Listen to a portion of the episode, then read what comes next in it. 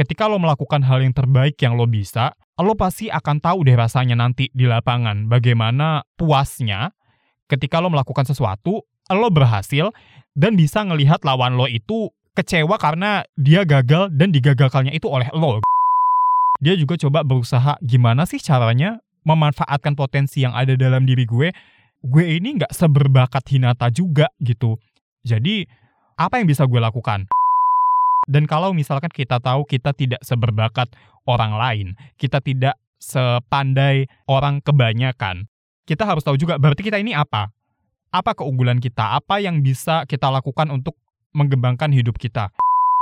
Masa remaja inilah saat yang tepat untuk belajar tentang motivasi diri, tentang ambisi, tentang apa yang bisa lo lakukan terhadap ambisi dan motivasi diri itu. Halo,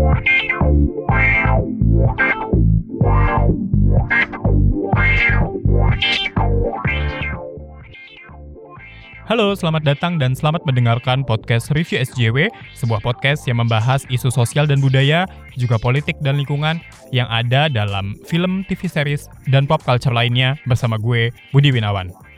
Gue itu orang yang ngikutin zodiak, bukan percaya ya, tapi ngikutin. Percaya itu kata yang terlalu kuat untuk disandingkan dengan zodiak ya. Nah, salah satu yang ada dalam zodiak gue itu adalah Pisces. Di astrologi itu kan bukan cuman kayak lo lahirnya bulan ini berarti zodiak lo ini, tapi ada aspek lain kayak eh, planet-planet lain. Nah, Pisces itu letaknya ada di Mars kalau di gue. Dan Mars itu adalah bagaimana lo menjalani hidup kayak drive lo dalam menjalani hidup itu seperti apa. Nah, Mars in Pisces itu orang yang ketika menjalani hidup itu ngalir begitu aja instead of make it happen kita tuh orangnya let it flow gitu. Jadi agak-agak susah juga untuk uh, memotivasi diri meraih kesuksesan terutama dalam hal pekerjaan. Seenggaknya itu yang gue baca ya dari kafe astrologi dan itu memang terjadi pada diri gue. Makanya bisa sangat overwhelming ketika misalnya gue nonton atau dengerin konten-konten yang kiat-kiat meraih kesuksesan, uh, tips-tips membangun koneksi, gimana caranya lo uh, bisa investasi di umur sekian gitu. Wah, itu gue langsung kayak mau meledak rasanya, mau meninggal jujur. Makanya gue pribadi susah dapet konten-konten yang bisa kayak bikin gue, ayo dong maju gitu. Sekalinya ada, itu bentuknya sederhana.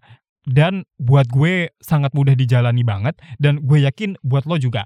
Nah, salah satunya adalah manga dan anime.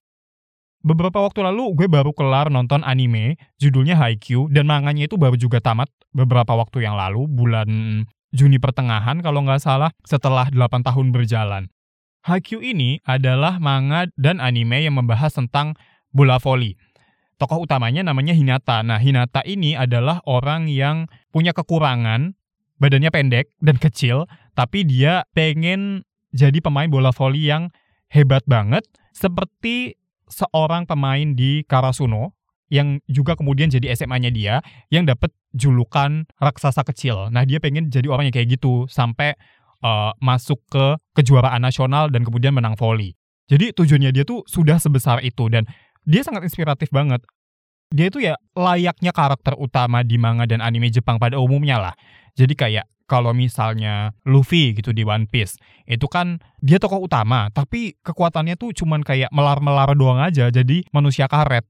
Tapi cuman pengembangannya jadi menarik lah. Jadi bagaimana dia bisa kuat hanya bermodalkan tubuhnya yang karet itu, itu jadi menarik. Terus kemudian juga ada manga dan anime Naruto yang kekuatannya juga awalnya itu basic banget yaitu Kage Bunshin yang semua orang sebenarnya bisa, tapi kemudian modifikasinya jadi menarik di mana oh itu jadi jurus andalannya Naruto banget gitu dan cuma dia yang bisa expert di jurus itu dan bisa ngalahin orang dengan jurus itu. Dan kalau di anime dan manga olahraga itu juga ada Eye Shield 21 di mana si Sena itu sama kayak si Hinata badannya kecil pendek padahal olahraganya adalah American football di mana orang itu harusnya tinggi gede gitu. Tapi cuman ya berbekal kekurangannya itu dia bisa lah jadi orang yang justru paling diandalkan di tim Devil Bats dan juga tim nasional American Football di Jepang. Nah si Hinata ini gue belum baca sampai habis sih karena gue cuma nonton animenya doang. Itu juga begitu. penceritaannya jadi menarik karena kita jadi dikasih lihat bahwa oh ternyata pemainnya pendek itu strateginya bisa sampai segitunya banget ya gitu bahkan bisa sampai menang ya bisa sampai mengungguli teman-teman yang lebih tinggi dan gede dari dia ya gitu nah itu menarik banget tapi yang inspirational banget buat gue justru bukan Hinata karakternya adalah namanya Tsukishima. Tsukishima itu justru karakter yang pesimistis banget. Jadi ketika teman-temannya itu bersemangat banget main volley, bersemangat banget untuk meningkatkan permainan mereka secara individu maupun secara tim dengan bekerja sama dengan teman lainnya.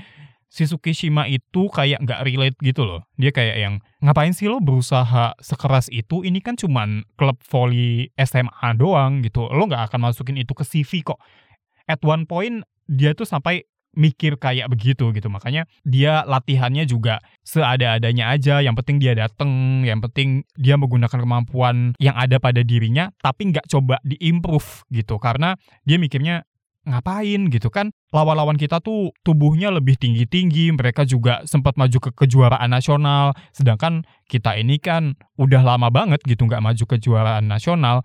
Jadi secara pengalaman kita juga udah kalah lah secara fisik juga udah kalah lah ngapain sih berusaha terus-terusan.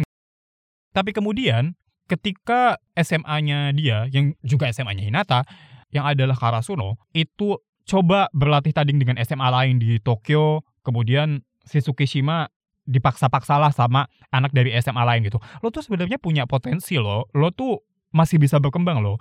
Awalnya itu juga si Tsukishima masih nggak mau, tapi terus kemudian dia kalau nggak salah ya bertanya dulu lah ke salah satu anak dari SMA lain itu kalian kenapa sih kok berjuang sampai segininya banget gitu? Ini kan cuman klub volley SMA aja gitu.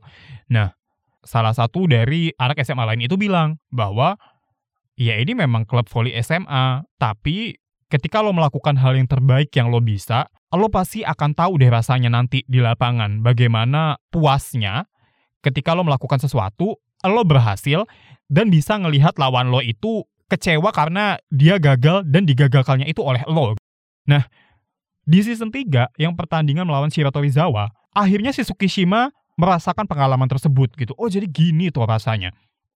Dan dia pun mengakui bahwa gue itu memang tidak sevisioner Hinata. Gue memang gak seambisius dia yang pengen maju ke kejuaraan nasional.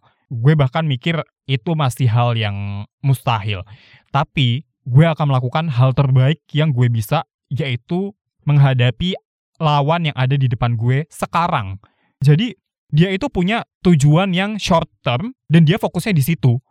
Bukan berarti Hinata yang punya tujuan long term itu nggak fokus di short termnya. Dia less fokus lah ketimbang si Tsukishima. Karena ada trik-trik yang dipakai Hinata itu yang nggak dipikir, tapi lebih ke arah naluri. Lebih ke arah bakat yang berkembang secara nggak sengaja di lapangan. Seringnya sih kayak begitu ya kalau yang dari gue tonton selama tiga season.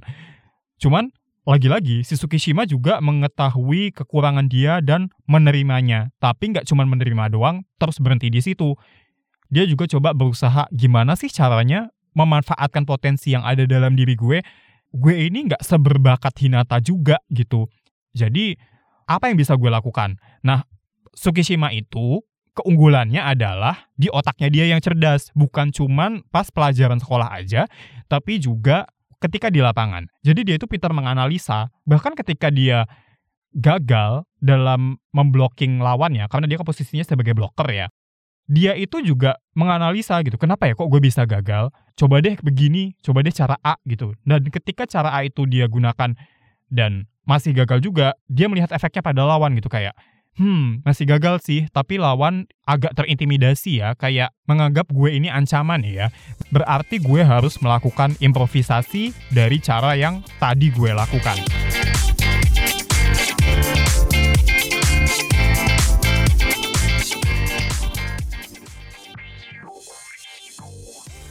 Nah, gitu. Ceritanya sih memang tentang bola voli anak SMA. Cuman, kalau misalnya mau kita ambil intisari dari si Tsukishima itu adalah bagaimana kita menghadapi apa yang ada di depan mata kita sekarang dan bagaimana kita fokus ke tujuan jangka pendek kita dan kalau misalkan kita tahu kita tidak seberbakat orang lain, kita tidak sepandai orang kebanyakan, kita harus tahu juga berarti kita ini apa? Apa keunggulan kita? Apa yang bisa kita lakukan untuk mengembangkan hidup kita? Itu juga kan yang dilakukan oleh si Tsukishima. Dan buat gue justru bisa lebih membekas karena Tsukishima itu kan masih SMA. Jadi ya dia masih belum punya struggle hidup yang besar dan kompleks gitu. Jadi masa remaja inilah saat yang tepat untuk belajar tentang motivasi diri, tentang ambisi, tentang apa yang bisa lo lakukan terhadap ambisi dan motivasi diri itu dari level yang kecil. Dalam hal ini adalah bola voli. Nah, lo juga kalau misalnya dulu ikutan eskul, itu juga bisa diterapkan di eskul yang lain sih, kayak pramuka, paskibra, dan sebagainya. Saat-saat SMA itulah ya, saat-saat di mana beranjak dewasa, nantinya kan lo kalau misalnya udah dewasa kan akan menjalani hidup yang lebih sulit ya. Jadi buat gue, lewat bola voli, pemikiran seperti Tsukishima itu, itu perlu banget ada di anak SMA. Dan selain Tsukishima, itu juga ada Yachi, calon manajer barunya Karasuno. Jadi manajer aslinya itu kan udah kelas 3, bentar lagi lulus. Nah, dia cari pengganti. Nah, dari sekian form yang disebar, yang nyangkut itu ya si Yachi ini. Kalau nggak salah dia deh satu-satunya yang kemudian pengen. Padahal si Yachi ini juga nggak ngerti volley, tapi dia pengen. Terus ada tuh salah satu dialognya Yachi dengan manajernya Karasuno yang sekarang, yang kelas 3 itu.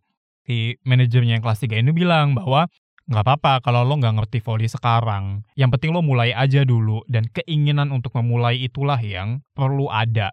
Dan si Yachi ini kan juga dia itu anak yang ya belajar terus tapi juga bukan anak yang bersemangat gitu walaupun nggak murung sih tapi flat gitu loh. Emaknya aja tuh kayak heran gitu kemudian ketika tahu bahwa si Yachi ini ih kok semangat banget ya jadi manajer bola voli begini gitu padahal lo nggak tahu voli gitu nah. Yachi ini juga ngajarin gue untuk seperti yang tadi dibilang manajer kelas 3 bahwa nggak apa-apa kalau lu nggak suka sama sesuatu, nggak apa-apa lu jalanin dulu. Yang penting di dalam diri lo lo ada keinginan untuk oke okay, gue ingin coba gue ingin melakukan ini gitu meskipun ini itu apa lo nggak tahu gitu nggak masalah apalagi sekali lagi konteksnya ini adalah Yachi itu anak SMA perempuan gitu di Jepang anak SMA sekali lagi sama seperti Tsukishima juga itu kan perlu banget gitu untuk mencoba sesuatu nggak penting sesuatunya itu apa well penting tapi nggak penting-penting banget. Yang penting adalah bagaimana lo itu punya keinginan untuk melakukan sesuatu bagi orang lain dan bagi diri lo sendiri juga. Bagaimana lo punya keinginan untuk menjadi berguna yang kemudian nanti juga bakalan membuahkan keuntungan juga buat diri lo sendiri, bakalan bagus juga untuk perkembangan karakter lo sendiri.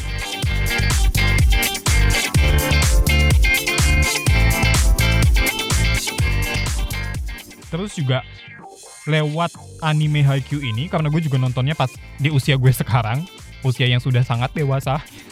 Gue jadi ngerti kenapa dalam anime sport itu sering banget ada yang lo kayak loncat doang aja tuh itu bisa ada berbagai macam dialog, lo bisa kepikiran flashback gitu, lo kayak Kamen Volley ya. Lo terbang buat nyemesnya di episode yang sekarang, di episode besoknya lo baru apa nyentuh bola yang gue tangkap adalah di real life, kalau misalnya ini konteksnya adalah bola voli, sekali lagi, ketika lo nyemes bola, mungkin itu terjadi satu detik doang. Tapi kan dalam satu detik itu, itu kan ada perasaan tertentu ya. Perasaan tegang, perasaan uh, khawatir, cemas, ini bakalan masuk apa enggak gitu. Dan perasaan memproses informasi juga, kayak apakah kalau cemesan gue sekuat ini bakalan efektif, ini gue sudut lompatnya udah bener apa belum yang kayak gitu-gitu. Kalau dijabarkan perasaannya kayak gitu, tapi semua itu numpuk dalam sepersekian detik aja gitu loh. Jadi intens banget. Nah, di anime dalam menggambarkan perasaan yang sangat intens yang kita rasakan dalam satu detik doang ketika kita berolahraga volley, itu kemudian dijembrengin lah ke dalam ya flashback lah, ya terus kemudian terhenti sesaat di udara lah, kemudian kecemasannya itu didialogkan baik dalam hati maupun out loud gitu. Nah, itu sebenarnya bermaksud untuk menggambarkan intensitas perasaan yang dirasakan dalam sepersekian detik gitu doang. Makanya dulu mungkin waktu pas gue masih kecil nonton Kapten Subasa tuh kayak tendangan jarak jauh ancang-ancangnya sekarang sampai dua episode kemudian tuh baru ditendang gitu tuh. itu gue ngerasa kayak lebay memang. Tapi karena sekarang gue usianya udah lebih dewasa, gue juga jadi paham gitu bahwa oh mungkin itu yang dirasakan oleh Subasa waktu pas nendang gitu. Kita sih ngelihatnya bisa sampai dua episode ya. Cuman yang dirasakan Subasa kalau misalnya dia ada di di real life itu dirasainnya cuma satu detik doang gitu. Jadi kalau kita mikirnya begitu jadi kebayangkan betapa intensnya perasaan yang dirasakan oleh seorang pemain di lapangan itu kayak gimana. Nah gitu. Jadi gue harap sih penonton anime juga lebih skeptical ya karena well pertama-tama ya itu anime gitu. Jadi it's unrealistic yes. Tapi menurut gue menggambarkan adegan yang lama banget di udara atau ancang-ancangnya juga lama banget itu masih tetap oke-oke aja kok.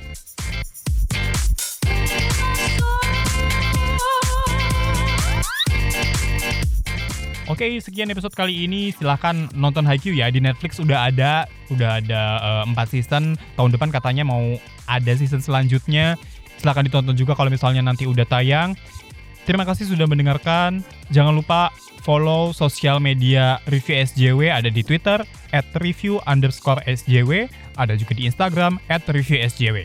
Di media sosial itu gue berbagi ada fakta SJW, ada kamus SJW, ada review dalam bentuk tertulis juga, dan fun fact tentang episode yang gue bahas di podcast ini. Kalau misalnya kalian mau menyampaikan kritik, saran, dan request, bisa juga lewat media sosial tersebut. Gue Budi pamit, Sampai jumpa di episode-episode yang selanjutnya. Bye-bye!